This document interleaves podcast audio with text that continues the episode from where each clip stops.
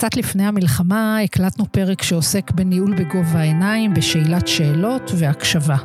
ועכשיו אנחנו מפרסמים אותו וחושבים שבימים אלו של שגרת מלחמה, אחד הדברים החשובים בחיזוק ובבניית החוסן הוא מקומה של ההקשבה. לאנשים יש צורך לדבר ולשתף על מה שקרה, על מה שעוד קורה, והם צריכים שמישהו יקשיב להם. מיומנות שאלת השאלות בהקשר זה היא חשובה. היא מסייעת גם למקשיב וגם למי שמשתף להיות במקום של הקשבה אמיתית.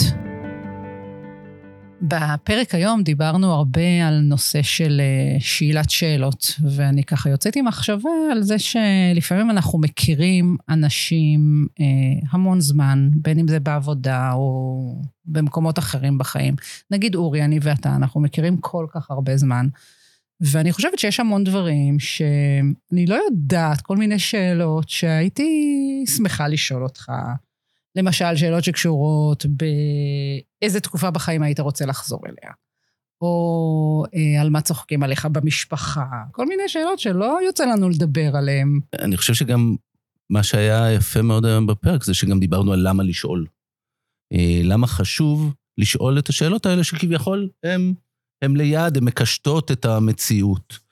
והקישוטים האלה והשאלות האלה, זה הדרך לייצר קרבה ולבנות את מערכת היחסים ש, שדורשת עבודה, שדורשת עבודה אה, יומיומית ושדורשת אה, פינוי של קשב, אבל שיכולה לשאת פירות מאוד גדולים, אה, גם ברמת המוטיבציה, גם ברמת החיבור אל המנהל, ובסוף גם אל המשימה ואל התפקיד שכל אחד מבצע.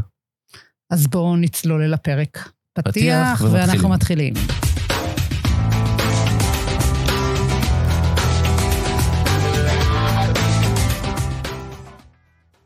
שלום לכולם, אנחנו בפרק חדש בפודקאסט למנהלים יוצא מן הכללית. אני אורי טורקניץ, מנהל המחלקה לפיתוח ארגוני, ואיתי אפרת שכטר, מנהלת את בית ספר לניהול ומנהיגות במחלקת למידה ופיתוח מנהלים. היום אנחנו מארחים את יפעת ואנונו לופו, יועצת ארגונית שמתמחה בתקשורת וניהול מערכות יחסים בארגונים, מפתחת ערכות to talk. היי יפעת. היי. תודה שאת איתנו היום לשיחה על אה, ניהול בגובה העיניים. אכן. אז לפתיחה אנחנו ביקשנו ממך אה, לבחור ולשתף אותנו בשיר שהוא משמעותי עבורך. לגמרי. אז, אז אני בחרתי את השיר של חווה אלברשטיין, כל שעה נשיקה, כל שעתיים חיבוק, שזה קודם כל השיר שאני הכי אוהבת, וכל פעם שאנחנו עושים באוטו כל המשפחה זה השיר שאני מבקשת להשמיע, אבל הוא מאוד מתחבר לכל עולמות התוכן שאיתם אני מתעסקת, כי בסופו של עניין, אהבה, חיבוק, קשר, אנשים רוצים שיאהבו אותם, שיראו אותם, אז זה החיבור להכל. יפה, זה מתחיל להיות מאתגר שהשיר שהמרואיין נבחר, לא יהיה שירים, אה, זה בינתיים אה, הולך לנו בסדר. לא יהיה לא שיר, לא יהיה שיר מה? לא, שזה לא יהיה שיר שכבר נבחר אה, בעבר. ואת חווה אלברשטיין, את השיר הזה, עוד לא בחרו. יפה. אז יהיה נחמד לשמוע אותו בסוף. אז אנחנו יודעים שחלק ניכר מההצלחה הארגונית מושתת על uh, האיכות של מערכות היחסים בארגון, בטח על מערכת היחסים שבין uh, מנהל ועובד. אז אנחנו נרצה לדבר על תפיסת מערכות היחסים בארגון, וגם להבין האם השתנה משהו ביחסים האלו של אה, עובד-מנהל בעולם העבודה החדש? שאלה טובה. אז אני אגיד קודם כל מה אני, מה אני, מה אני מאמינה ומאיפה אני באה. קודם כל, אני מאמינה מאוד גדולה, אה, ואני חושבת שיש הרבה מאוד מחקרים שגם תומכים בזה, שהיכולות החברתיות שלנו הן מנבא מאוד גדול להצלחה. אנחנו יודעים היום שגם אצל ילדים, המנבא המשמעותי ביותר להצלחה בחיים זה היכולת שלהם לנהל את היחסים החברתיים שלהם בצורה טובה. אה, ואת זה אנחנו לוקחים לכל העולמות גם כמבוגרים. מנהל שיודע לנהל נכון את הקשר עם העובדים שלו. אה, אה, עובד בחברה שיודע לנהל את הקשר נכון עם הלקוחות שלו. בן אדם שיודע לנהל נכון את הקשר עם הממשקים שלו. כלומר, כל הסיפור של מערכות יחסים ושל ניהול המר... היחסים החברתיים שלנו, הוא מרכיב מאוד גדול בהצלחה. ואת זה אני מחברת לעולם של הניהול. אני רוצה להגיד שמה שקשור לעולם העבודה החדש, זה שאנשים מגיעים, אם בעבר כאילו היו גבולות הרבה יותר ברורים בין העבודה לבית, והעבודה הייתה המקום הזה שאנחנו מתפרנסים ממנו, היום אנחנו יודעים שבעולם העבודה החדש אנשים מצפים לדברים שהם הרבה מעבר לזה מעולם העבודה. עולם העבודה הוא מקום של התפתחות, עולם העבודה הוא מקום של משמעות, עולם העבודה הוא מקום שנותן לנו הרבה מאוד ערכים מעבר למקור פרנסה. והסיפור של אה, אה, היכולת שלנו לנהל בהצלחה את היחסים החברתיים שלנו הוא, הוא חלק בלתי נפרד מזה. כלומר, עולה, עולה חזק המעבר מהנכונות של עובדים להיות בארגון שרואה אותם כעובד, לאנשים שאומרים, תראו אותי כבן אדם על כל אה, רכיבי האישיות שלי, ותיתנו לזה איזשהו ביטוי גם בניהול וגם בארגון. לגמרי, לגמרי. אמ, אז אחד הדברים שאת בעצם מדברת עליו זה על ניהול בגובה העיניים. נכון. תגידי על זה כמה מילים, מה, למה הכוונה? אני, אני, הרעיון מבחינתי של ניהול בגובה העיניים זה אם המנהל בעבר היה מנהל שיותר מחליט, קובע, אומר, המשמעות של ניהול, ניהול בגובה העיניים זה בעצם ניהול שיש בו הרבה יותר שיתוף, הרבה יותר שיח והרבה יותר דיבור ודיאלוג בין הצדדים. זה המשמעות של ניהול בגובה העיניים. וזה מתחבר לעולם של מערכות היחסים. כי כשאתה יודע כמנהל לנהל נכון את מערכות היחסים שלך עם העובד שלך, אתה יודע להקשיב, אתה יודע לבנות אמון, אתה יודע לחבר אותו, אתה יודע לתת לו מקום, אתה יודע לשאול אותו, אתה יודע להתייעץ איתו, ובסופו של עניין זה משפיע על היכולת שלך להשיג את המשימה, בסדר? לקדם את המשימה. זה המשמעות של ניהול בגובה העיניים. אז, אז זאת אומרת מערכות יחסים בארגון ואיך אה, לעשות את זה נכון. אז בואי תגידי ככה, אני אגיד על כמה זה... כיוונים איך לעשות את זה נכון. בדיוק. אני, אז אני אגיד ככה, קודם כל אני מאמינה בדבר הזה במשך הרבה מאוד שנים, ואני עובדת הרבה עם ארגונים על כל הסיפור של אה, תקשורת, של שיחות, אה, כמעט בכל תהליך של ייעוץ אישי מצאתי את עצמי בסוף או בהתחלה שולחת את המנהל לדבר. כאילו, תזמין אותו לשיחה, שבו, דברו, תברר, ושם הדגש שלי היה, אל תבוא ותגיד, תבוא ותשאל, תבוא ותתעניין, תבוא ותלמד, תבוא ותברר, בסדר? זה כאילו חלק בלתי נפרד בעיניי מהיכולת שלך לנהל נכון את הקשרים שלך. עכשיו, אחת הנישות שבהן עבדתי, אה, סביב זה היה בדברים שקשורים למשל לשיחות משוב, ולניהול שיחות אישיות בתוך הארגון. אני, אה, בשלהי הקורונה, פחות או יותר, ובעקבות המון דברים שקרו בעולם הארגוני בתקופה של הקורונה, אחד הדברים שהבנתי או שהתחזקו לי שם, זה שהדבר העיקרי שהצליח לחבר אנשים לארגונים בתקופה המטורפת הזו, היה המקום של המנהל הישיר. זה היה המקום של המנהל הישיר, במקום של המחוברות, המחויבות, הכל. היכולת שלך כמנהל רגע להתעניין במה עובר על העובד שלך בתקופה הזו, מעבר הצלחה במשימה או לזה שיש לך אחריות כלפי המשימה. אנחנו גם יודעים שחלק גדול מעזיבה של עובדים, נכון. אה, זו הסיבה המרכזית, המנהל הישיר. נכון, נכון. יש אה, סקר של חברת אה, גלופ האמריקאית, שבמשך תקופה מאוד ארוכה בדק הרבה מאוד אמריקאים שבחרו לעזוב את מקום עבודתם. והם בדקו איתם כאילו סקר חיצוני כזה שבדק מה הסיבות שבגללם הם בחרו לעזוב את מקום עבודתם. 70 אחוז מהאנשים דיווחו על כך שהסיבה הראשונה שבגללה הם עזבו את מקום עבודתם זה הנושא של הקשר עם המנהל הישיר. כלומר, זה הדבר הראשון ש, שבאמת אה, משפיע על אנשים. אנחנו יודעים שהסיפור של הקשר עם מנהל ישיר, אנחנו רואים אותו בכל מיני מקומות. למשל, משהו שקשור לעוצמת המותג, מה שנקרא. מה זה עוצמת המותג? שואלים עובד בכללית לצורך העניין, עד כמה אתה חושב שהכללית הוא ארגון אטרקטיבי עבור הלקוחות שלו. בסדר? עבור הלקוחות, כאילו דרך עיניים חיצוניות. עובד שיש לו קשר טוב עם המנהל שלו, הוא יעיד על כך שלתפיסתו הארגון נתפס כאטרקטיבי יותר בעיני הלקוחות. בסדר? כאילו לעשות משהו שהוא חיצוני. המשקפיים שדרכם העובד רואה את הארגון, זה המשקפיים של הקשר שלו עם המנהל.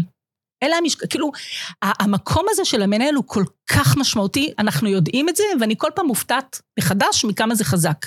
כי הקשר הטוב עם המנהל משפיע על המחוברות ועל השביעות הרצון שלי. אלה המשקפיים, ו... בדיוק, אלה כן. המשקפיים, זה משפיע על הכל, זה משפיע על איך אני רואה את המותג, זה משפיע על מחוברות, על שביעות רצון, זה משפיע על שימור עובדים, כלומר, כאילו אנחנו הולכים להמון מקומות, אני חושבת שזה שם המון, אני כל הזמן אומרת למנהלים שאני עובדת איתם, שאלה הבשורות הטובות וגם הבשורות הרעות. בדיוק, בדיוק חשבתי כן. כמה שאנחנו, כל, כל הפרקים האלה שאנחנו מקליטים, כן. וכל עוד מיומנות ועוד מיומנות, וכאן אנחנו בעצם נכון. אומרים, כל זה מצטרף לזה שאתה, הנוכחות שלך כמנהל והקשר שאתה מייצר עם העובדים, יש לו השלכות הרבה מעבר למה שאתה מדמיין. נכון. שזה גם המון אחריות, אבל זה גם הזדמנות נכון, מקסימה. נכון. אז אני רוצה בהקשר הזה לדבר על איזשהו מחקר שעשו בגוגל. אה, גוגל, שנת 2001, הייתה חברה, מה שנקרא חברה צעירה ובועטת, הם אה, ככה מבחינתם ניבאו או הביאו את עולם העבודה החדש, ניסו לבעוט במוסכמות המוכרות של עולם העבודה הישן, ואחד הדברים שבעצם שייך למוסכמות של עולם העבודה הישן לתפיסתם, זה המנהל. ההיררכיות. המנהל בכלל, כאילו, עצם קיומו של המנהל, הרי מנהלים התחילו להיות בתקופה של המהפכה התעשייתית, שם בעצם התחיל הניהול. ומאז ועד אותו שנת 2001 שגוגל הגיע, כאילו משהו ב, ב, במקום של המנהל לא השתנה. וגוגל אמרו, תקשיבו, מנהל זה משהו ששייך לעולם העבודה הישן. אנחנו היום בעולם אחר, אנחנו בעולם של אחריות אישית, אנחנו בעולם של מחוברות, אנחנו באחריות של מחויבות, ולכל בן אדם יש את האחריות האישית שלו, בואו נייתר את תפקיד המנהל, לא צריך מנהלים. והכישלון, הניסיון שלהם אה, נוחל כישלון חרוץ. כלומר, הם מהר מאוד מגלים שבלי מנהלים העסק לא עובד. עכשיו גוגל כמו גוגל לא, לא, לא התבלבלו כל כך בקלות, הם אמרו אוקיי, אז במקום לנסות להראות שאנחנו לא צריכים מנהלים, בואו ננסה לזהות למה מנהלים הם חשובים. מה הערך ומה המשמעות של מנהלים. ומה שהם עושים, הם קודם כל לוקחים ומזהים את אותם, אה, אה, או קבוצת מנהלים שנחשבים כמנהלים טובים. עכשיו, מה זה מנהלים טובים? זה מנהלים שמצד אחד מייצרים תוצאות, בסדר? כי אנחנו בשורה התחתונה, בארגונים, האחריות שלנו זה לייצר תוצאות, להביא תוצרים, בסדר? כל ארגון באשר הוא. Mm-hmm. ומצד שני זה מנהלים שנתפסים ככאלו ב-360. 360 זה כפיפים, זה ממונים, זה קולגות, ממשקים, לקוחות, כל מיני. ודרך זה בעצם הם לוקחים ומזהים את אותם מנהלים שנתפסים כמנהלים טובים. זה היה השלב הראשון. בשלב השני הם אמרו, אוקיי, עכשיו אחרי שזיהינו את אותם מנהלים שהם מנהלים טובים, בואו ננסה לראות האם יש איזשהו מכנה משותף בהתנהלות שלהם. הם מזהים אה, שמונה מאפיינים, שהם המאפיינים של אותם מנהלים שהם מנהלים מוצלחים במיוחד, והם הם חוזרים ומתקפים את המחקר מדי שנה, ובשנת 2018 אותם שמונה מאפיינים הופכים להיות עשרה מאפיינים. לדבר הזה, לפרויקט הזה, לסקר הזה, הם קוראים פרויקט Oxygen. למה פרויקט Oxygen? אחד, בגוגל יש המון מחקרים אמפיריים, ולכל המחקרים שלהם קוראים פרויקט, ובמקרה הזה Oxygen, כי אה, העובדים בעצם החמצן שזורם בעורקי ה organ, ה organization, mm-hmm. בסדר? זה פרויקט Oxygen. אז מה אנחנו יכולים לקחת מגוגל אלינו? מה שמדהים, אם מסתכלים, אני לא אעבור כרגע על כל עשרת המאפיינים, וגם אפשר, אה, אפשר לקרוא על זה, אבל בגדול, הנוכחות של המאפיינים הרכים, mm-hmm. ההתנהגותיים. אה, מנהל שהוא מנהל, אה, שהוא קואוצ'ר טוב, שהוא יודע להקשיב לעובדים שלו, שהוא מתעניין ב-well-being של העובדים שלו. בסדר, שהוא רואה בעצם את כל ה-allness, wellness, כאילו של, של העובד, ולא רואה את המקום של העבודה.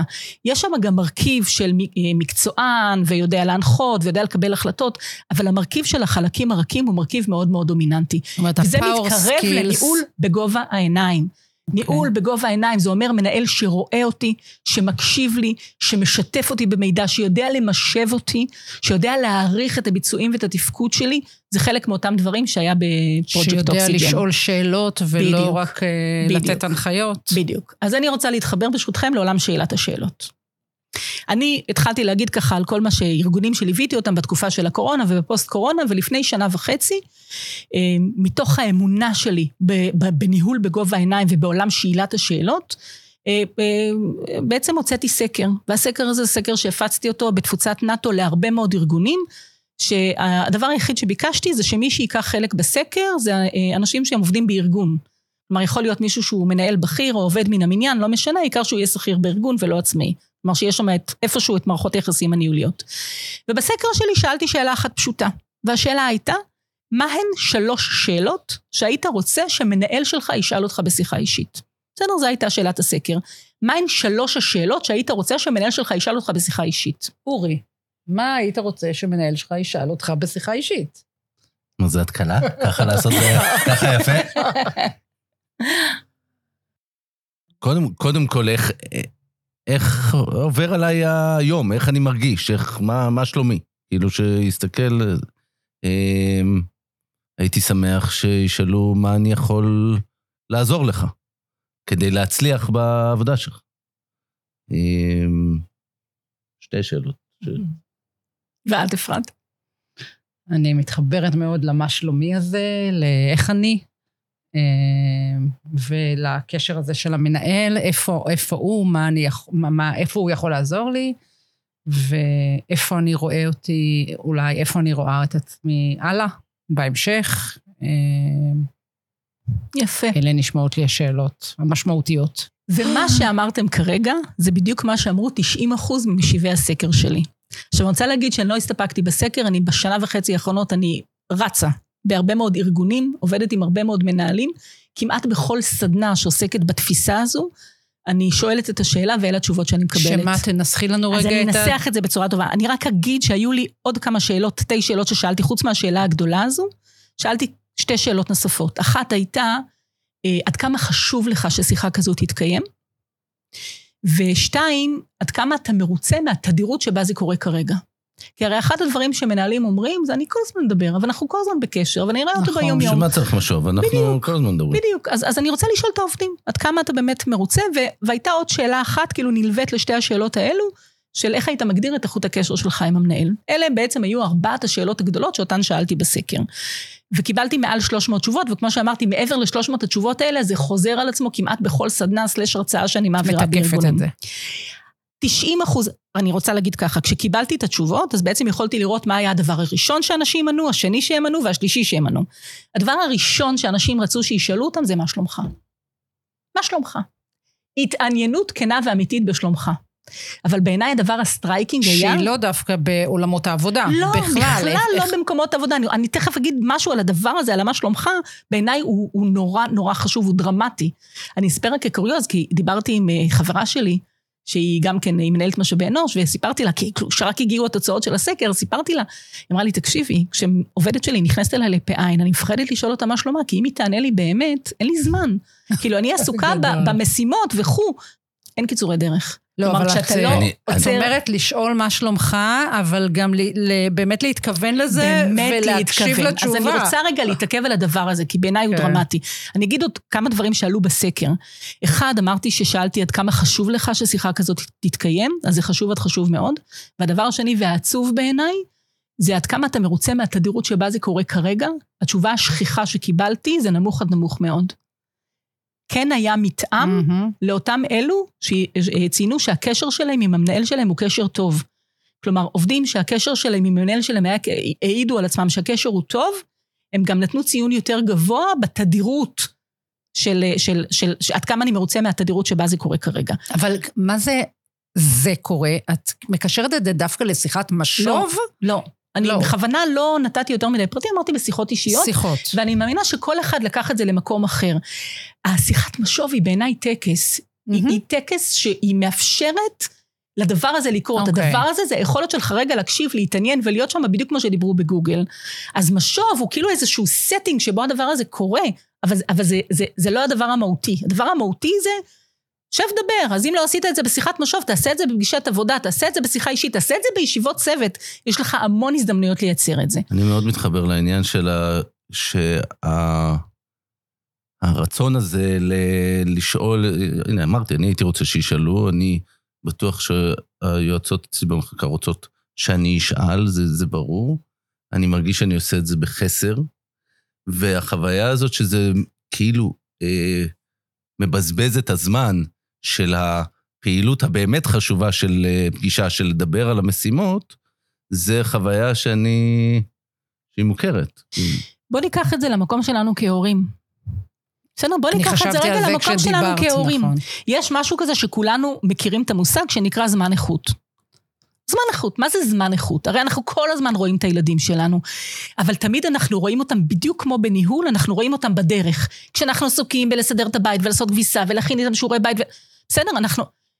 חלק מהעניין זה עד כמה אנחנו מצליחים למצוא את הנקודות בזמן, וזה לא חייב לקחת יותר מדי זמן, שבה אנחנו באמת עוצרים ומתעניינים. אני, אני חייבת איזה קוריוז קטן בסיפור הזה. To make a long story short, אני בסוף בסוף בסוף לקחתי את כל מה שקיבלתי בסקר, והפכתי את זה בעצם לאיזושהי סדרה של לערכת קלפים עם שאלות, שבעצם אני מציעה את זה לארגונים ככלי עבור המנהלים. וכשהערכה הראשונה הגיעה אליי הביתה, נורא נורא התרגשתי, זה היה באמת אירוע ככה מרגש וחגיגי, ואז ביקשתי מכל אחד מהילדים שלי שיבחר קלף. לשלוף. כן, שישלף איזשהו קלף שדרכו ידבר על עצמו. והבן שלי בחר את הקלף של אה, במה אתה גאה בעצמך. ו... והוא אמר לי, במה הוא גאה בעצמו? וזה היה בשבילי סטירת לחי, כי לא הייתי מודעת לזה בכלל. מהמם. ואנחנו בית מתקשר, אנחנו בית קשוב, אנחנו בית מברר. עכשיו, כל השיחה הזאת איתו, היא לקחה חמש דקות. אבל היה חמש דקות שבהם הייתי כולי בשבילו. כולי בשבילו ולא רק זה. הוא בחר על מה הוא רוצה לדבר. זה לא אני בחרתי, זה לא אני באתי עם השאלות שלי, אלא הוא בחר את השאלה שלו, והוא בחר. הוא רוצה לספר משהו, במודע, שלא במודע.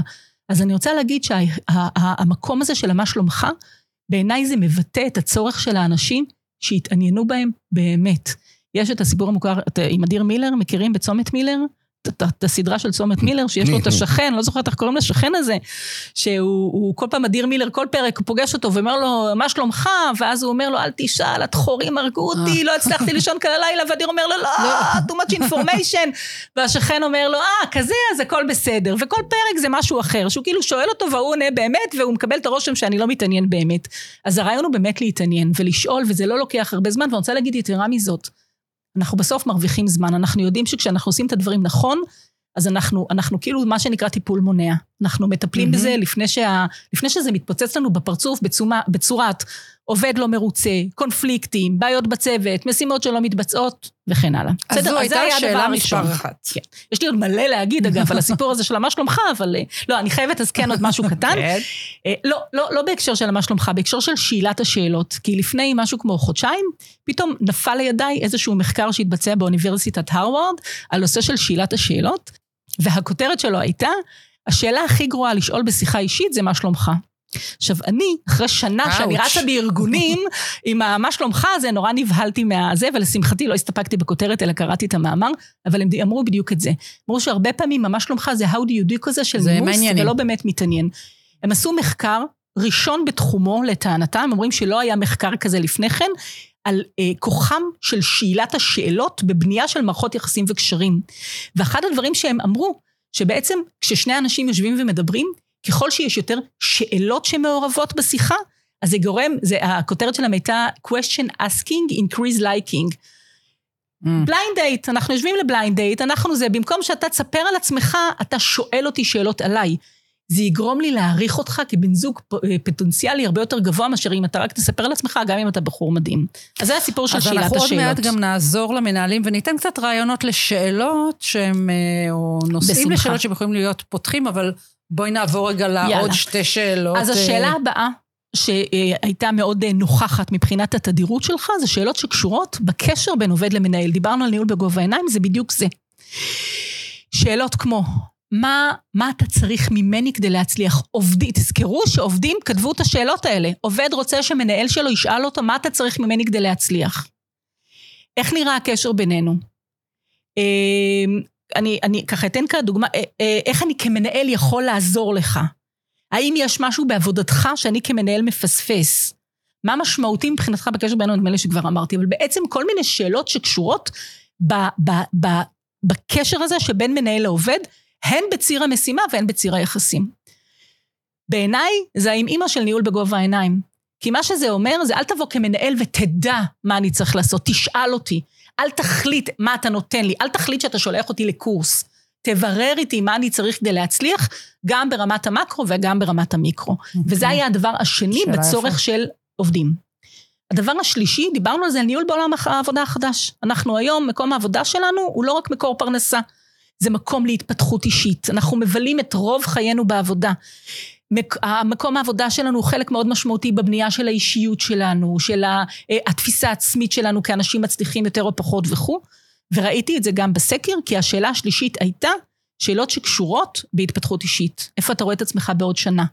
איזה, תחומי, איזה תחומים נוספים היית רוצה בתוך העבודה. אני אספר לכם כקוריוז, באחת הסדנאות שהעברתי, ישבו שם דווקא לצוות משאבי אנוש באחד הארגונים, ועשיתי איתם כזה איזה משחק היכרות בהתחלה, שכל אחת אה, לקחה אה, קלף עם שאלה שדרכו היא רצתה לדבר על עצמה, ואחת העובדות, מנהלות משאבי אנוש, היא לקחה קלף שהשאלה שם הייתה אה, אה, משהו, משהו שהיית רוצה לקדם אה, בעבודה. כלומר, כאילו משהו לא זוכרת איך הוא מנוסח, אבל okay. שאלה אוקיי. כזאת, ואז היא דיברה על זה שהיא מאוד מאמינה בקיימות, והיא רוצה להוביל את נושא הקיימות בחברה. וישבה מולה המנהלת ואמרה לה, אבל איך לא אמרת לי את זה עד עכשיו? וזאת התשובה. לא הייתה לה את ההזדמנות. לא זה ישב לא לשם. לא שאלת. בדיוק, לא שאלת. לא שאלת את השאלה פתוחה. יכול להיות ששאלת את זה בכל מיני צורות, ודווקא אני אמרתי בכוונה קבוצה של משאבי אנוש, כי משאבי אנוש, אנחנו תופסים מהם כאלה שהם יותר מחוברים למקומות האלה של האחריות והתפקיד, ו... וגם שם זה היה אה, חלק מהעניין. אז זה היה המקום, הדבר השלישי, בעצם שאלות שקשורות לא, לא, לאו לא דווקא בהתפתחות בחוץ, אלא התפתחות בפנים, בתוך הארגון, אתה לא צריך לעזוב כדי להתפתח. אגב, אני חייבת להגיד, מתוך מעל 300 ומשהו תשובות שקיבלתי, היו שתי תשובות שקשורות לשכר ותנאים. הרי אחד הדברים שמנהלים נורא מפחדים בשיחות כאלה, זה שישאלו אותם כל מיני שאלות שקשורות לרגע, אז מה, מה עם קידום, מה עם שכר, מה עם זה, תנאי עבודה וכדומה, זה לא עלה בסקר שלי. חשוב לי לציין שמי שענה על הסקר זה מנהלים מכל הדרגים, אנשים, עובדים מכל הדרגים, גם כאלה שהגדירו את עצמם כמנהלים בכירים, וגם עובדים מן המניין. לא היה הבדל בתשובות, כלומר, עובד, מנהל בכיר בדיוק כמו עובד מן זה, זה מה שהוא צריך מהמנהל שלו. לא היה הבדל בין סוגי הארגונים, הייטק, לואו-טק, ארגונים רפואיים, כל מיני, ארגונים ציבוריים, ארגונים עסקיים, לא היה הבדל, ולא היה הבדל בין גברים ונשים. כי יחסים זה יחסים, ותקשורת זה תקשורת. אה, בדיוק, נכון. בדיוק. אז זה כאילו ככה... אני, אני שומע אותך, וזה זורק אותי בכלל לסיפור של, אה, של קשב. הרבה פעמים, כשנגיד בהדרכות של משוב, אז מדברים, תפנה את הסטינג ותדאג שלא יהיה לך טלפונים וככה. אבל יש משהו בשיחה הזאת שמחדד כמה אה, לשאול שאלות עם איזה קשב אה, מאוד אה, אה, מוגבר, אה, זה, זה מכפיל כוח, זה מאפשר לך באמת להגיע לדברים שלא היית אה, מדמיין. אני, אבל אני עוד פעם חוזר לה, להתמודדות הזאת. איך, איך מפנים איך לזה, מפנים לזה זמן? את הקשב והזמן? אז אני אגיד ככה, זה לוקח הרבה פחות זמן ממה שנדמה לנו. בסדר? זה לוקח הרבה פחות זמן ממה שנדמה לנו. יש לנו כל מיני הזדמנויות שבהן, אני אגיד רגע משהו מהבית, אה, עם הילדים שלנו בנסיעה באוטו. בסדר, בנסיעה באוטו. אנחנו יודעים היום, אחד הטיפים שנותנים למשל להורים למתבגרים, זה תשאלו הרבה שאלות כשאתם בנסיעה באוטו, כי הם לא יכולים לברוח. בדיוק, הם לא יכולים לברוח, הם שם, הם כאילו לקהל שבוי, הם כן. חייבים לענות על השאלה, אבל נסיעה באוטו זאת הזדמנות, אני רוצה להקביל את זה למקום העבודה. א', גם בעבודה יש לנו נסיעות באוטו. יש לנו ישיבות צוות. אז זה מה שרציתי לשאול, אז זה לא רק באחד על אחד, ממש. זאת אומרת, זה לא רק שיחות משוב ושיחות התפתחות אישית, אפשר לעשות את זה בישיבות צוות, כן. או ב... ישיבות צוות, אה, פתיח, אפשר גם רק שאלה אחת, בפתיח של אה, פגישה אישית. יש מנהלים שמספרים לי, כאילו, אה, ב, ב, אפילו ברעיונות עבודה, ברעיונות היכרות של מישהו חדש שנכנס, כשאלה שבועית, ששאלה שכל הצוות mm-hmm. עונה עליה. כלומר, יש לנו המון המון הזדמנויות. זאת אומרת, זה בעצם יתרום ליחסים גם כן. בתוך הצוות, לא רק בדיוק. לממשק מנהל עובד. הרעיון הוא שזה לא חייב להיות שיחה שלוקחת אה, אה, המון המון זמן, ודרך זה אנחנו מדברים עכשיו. כמובן, אני רוצה להגיד שהתפיסה שלי היא מתרגמת גם, כשאני היום עובדת עם ארגונים על נושא של שיחות משוב, ואני מדברת גם על משוב בגובה העיניים, זה משוב שהוא מבוסס קודם כל על שאלת שאלות. במשוב אנחנו כאילו חלק מהעניין זה שהתרגלנו שהעובד נכנס ואני כאילו אומר לו, לא, הסיפור הוא לא שאתה אומר לו, אתה שואל אותו קודם כל. אחר כך גם תגיד, אבל קודם כל תשאל. אז יש לנו גם טקסים כאלה של שיחות שהן יותר ארוכות ומשמעותיות, שחשוב וכדאי לנו לייצר אותם. אבל גם לא, אם אתה כמנהל מתרגל להשתמש יותר בסימן השאלה, בסדר? ואתה יכול לעשות את זה בכל מיני צורות, אז זה יכול להיות בשיחה של 15 דקות, הבסיס להכל זה אמון. והשאלה היא איך אתה כמנהל מייצר את האמון בין חברי הצוות. ככה אתה מייצר אמון, בזה שאנשים משתפים, בזה שאנשים מדברים, בזה שאנשים מביאים מעצמם. אז זה כל פעם בצורה אחרת בכל מיני מקומות. אז מיומנות מפתח למנהלים? אה, שמאזינים לנו עכשיו, זה ללמוד לשאול שאלות. כן. אז אנחנו יושבים עכשיו פה ויש מולנו אה, מלא קלפים עם שאלות. צבעוניים ויפים. צבעוניים ויפים, והייתי שמחה שנעזור למנהלים אה, קצת לחשוב על רעיונות, לשאלות, על תחומי תוכן שאפשר לשאול עליהם. יכול להיות שיש מנהלים שיהיו להם בשליף שאלות, ויש מנהלים שאולי כדאי להם להכין לעצמם. אה, בין אם יש להם ערכות או אין להם ערכות, אבל בואו רגע נדבר קצת על אה, שאלות שהן פותחות ומקרבות. אחד הדברים המשמעותיים מבחינתי למי שמשתמש בקלפים, זה שמי שבוחר את השאלה זה העובד ולא המנהל. כי אחד הדברים, גם כשאנחנו כבר יודעים לשאול שאלות, אנחנו בדרך כלל שואלים את מה שמעניין אותנו. אני אתן דוגמה. אה, יש כאן איזשהו קלף, איזה דברים היו שקופים השנה לדעתך והיית רוצה שיראו? עובד שיבחר את הקלף הזה, או את השאלה הזו, זה עובד שיש לו מה להגיד. בסדר? ועובד שמרגיש שהוא לא היה שקוף ושראו אותו, הוא לא יבחר את השאלה הזו. אה, אז קודם כל, בעיניי זאת שאלה מצוינת, כי אני רוצה להגיד שהיא, כאילו, בכלל, בעיניי שאלות מצוינות הן שאלות שהן בריאות ממקום של צניעות. כלומר שאני לא יודע, אני שואל, אני מניח את זה כאן, אני מאפשר לך בעצם לדבר על עצמך. אז יש כאן שאלות שבעצם... גם יש משהו בשאלה כזאת של אה, מה היה שקוף, שהוא גם קצת אה, מוכן להפגין איזה... איזה פגיעות או לקיחת אחריות ניהולית, אולי, אולי משהו פספסתי, נכון, אולי לא ראיתי. נכון. וזה זה מזמין איזה משהו כנה. ובזמן שאנחנו יושבים ומדברים, יש לנו את האפשרות להעלות את הדברים האלה על השולחן, ובדרך כלל, ברגע שהדברים עולים על השולחן, הדרך משם לפתרון היא, היא, היא קצרה. אני? חושבת שמעבר. ליחסים, יש פה איזשהו מסר אה, שמעודד את העובדים להשמיע את קולם. נכון. להגיד את אה, מה שחשוב להם להגיד, שלא תמיד נאמר, נכון, דרך בדיוק. שאלות כאלה. אז יש בעצם שאלות שהן יותר שאלות אה, אישיות, על בדיוק. דברים שחשובים לך. כן, יש, יש- כל מיני סוגים של שאלות. יש, אם אני חוזרת רגע לקלפים, אז יש קטגוריה שלמה שנקראת החיים עצמם, שזה כל מיני דרכים לשאול מה זה שלומך. שאלות התעניינות. זה שאלות יותר. התעניינות, כן, שזה כן. באמת מאפשר. עכשיו, זה הרבה פעמים משהו שהוא יותר אה, הפגתי, יותר בשביל הכיף. יש שאלות שהן עמוקות יותר, אינטימיות יותר, יש שאלות שהן יותר קלילות. אה, אבל אני רוצה להגיד, למשל, יש כאן שאלה של... אני, אני אגיד משהו, יש כאן שאלה של אם ההורים או הילדים שלך היו רואים אותך בעבודה, במה הם היו גאים. אין סדנה שהשאלה הזאת לא נבחרת. אוי, זו שאלה מהממת. זה יכולת להגיד על עצמך משהו דרך העיניים של מישהו אחר, וזה תמיד מעורר לחלוכית. כי הילדים שלנו זה משהו שמאוד מרגש אותנו, ואנחנו נורא רוצים שהילדים שלנו יהיו גאים בנו. וההורים שלנו, אנחנו נורא רוצים שההורים שלנו יהיו גאים. עכשיו, בעצם, זה אנחנו מדברים דרך הפה שלהם, אנחנו אומרים משהו על עצמנו.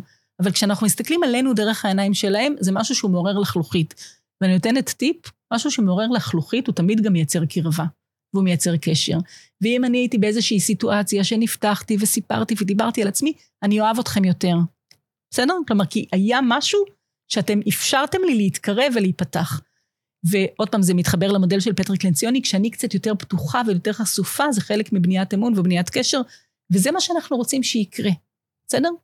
אז בין, בין היוזמות היותר אה, נחמדות שיש בארגון שלנו, ויש בכל מיני, שמעתי על זה בכל מיני מקומות, זה דברים כמו יום הורים, או האפשרויות להביא את הילדים למפגש, ואז ה...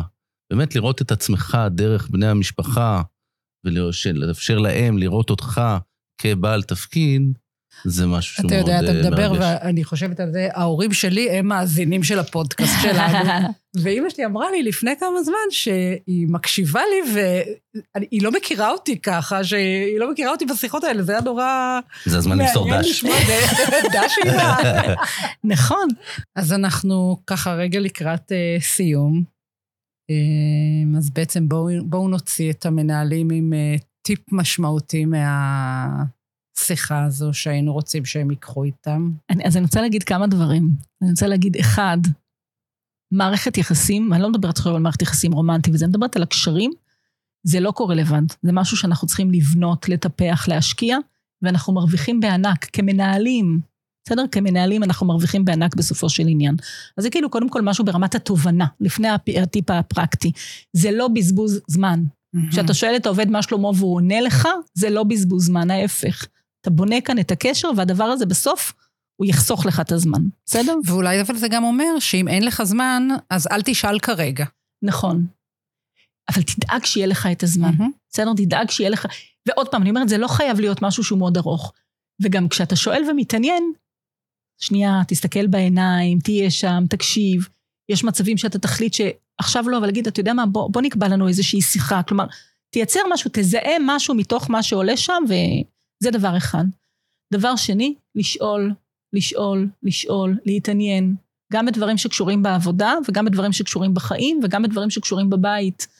אני כל הזמן אומרת, אני לא עובדת עם עובדים, אני עובדת עם אנשים שנמצאים במקום העבודה. זה אנשים, בסדר?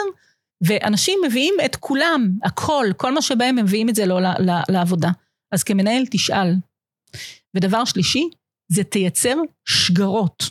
שגרות, זה יכולה להיות ישיבת צוות, שיחות משוב, שיחות אישיות, שיחות חתך, כל מיני סוגים של שגרות, שיאפשרו לך, מה שנקרא, זמן איכות. כקבוצה ואחד על אחד. תחלק את הזמן שלך בצורה כזו שאחת לה יש לך את האפשרות לייצר את השגרה הזו. אני אגב, יש הרבה מאוד מנהלים שאני מציעה להם לעשות מה שנקרא לאנץ'. כל כמה זמן, תעשה ארוחת צהריים עם מישהו, עכשיו אתה חייב לאכול, אתה צריך את ה... אז את החצי שעה ההפסקה הזאת של האוכל, אתה יכול לנצל לאיזושהי שיחה אישית עם עובד, והרבה פעמים אובר לאנץ' יכולים לקרות אה, הרבה מאוד דברים. אז זה עוד דוגמה ככה למשהו שאפשר אה, אפשר לעשות. אז יפעת אה, ונונו לופו, תודה לך על השיחה הזאת, תודה לכם מנהלים ומנהלות. אנחנו נשתמע בעוד שלושה שבועות בפרק הבא, ואנחנו ניפרד עם חווה אלברשטיין. תודה, ביי ביי. תודה לכם. ביי ביי. להקלה בהפרעות נשימה ועיכול, לא להפסיק לקחת עד סוף הטיפול, כל שעה נשיקה, כל שעתיים חיבור. תרופה זו אין לשמור מילדים ותינוקות, לקחת בין הארוחות ועם ארוחות, כל שעה נשיקה, כל שעתיים לא צריך לאחסן במקום מיוחד, לא חשוך, לא קר ולא יבש. אפשר לקבל בלי מרשם של רופא, צריך פשוט לבוא ולבקש כל שעה נשיקה, כל שעתיים חיבור. כל שעה נשיקה, כל שעתיים חיבור. אין חשש שהתרופה תפגע בערנות, אבל שימוש ממושך עלול לגרום לתלות. כל שעה נשיקה, כל שעתיים חיבור. אם נטלת מנת יתר, לא יקרה לך כלום, אין צורך לרוץ לחדר מיון. כל שעה נשיקה, כל שעתיים חיבור. לעתים רחוקות יש תופעות לוואי, נדודי שינה או סחרחורת נדיר, אך כל התופעות חולפות מעצמן לאחר תקופת הסתגלות לתכשיר. כל שעה כל שעתיים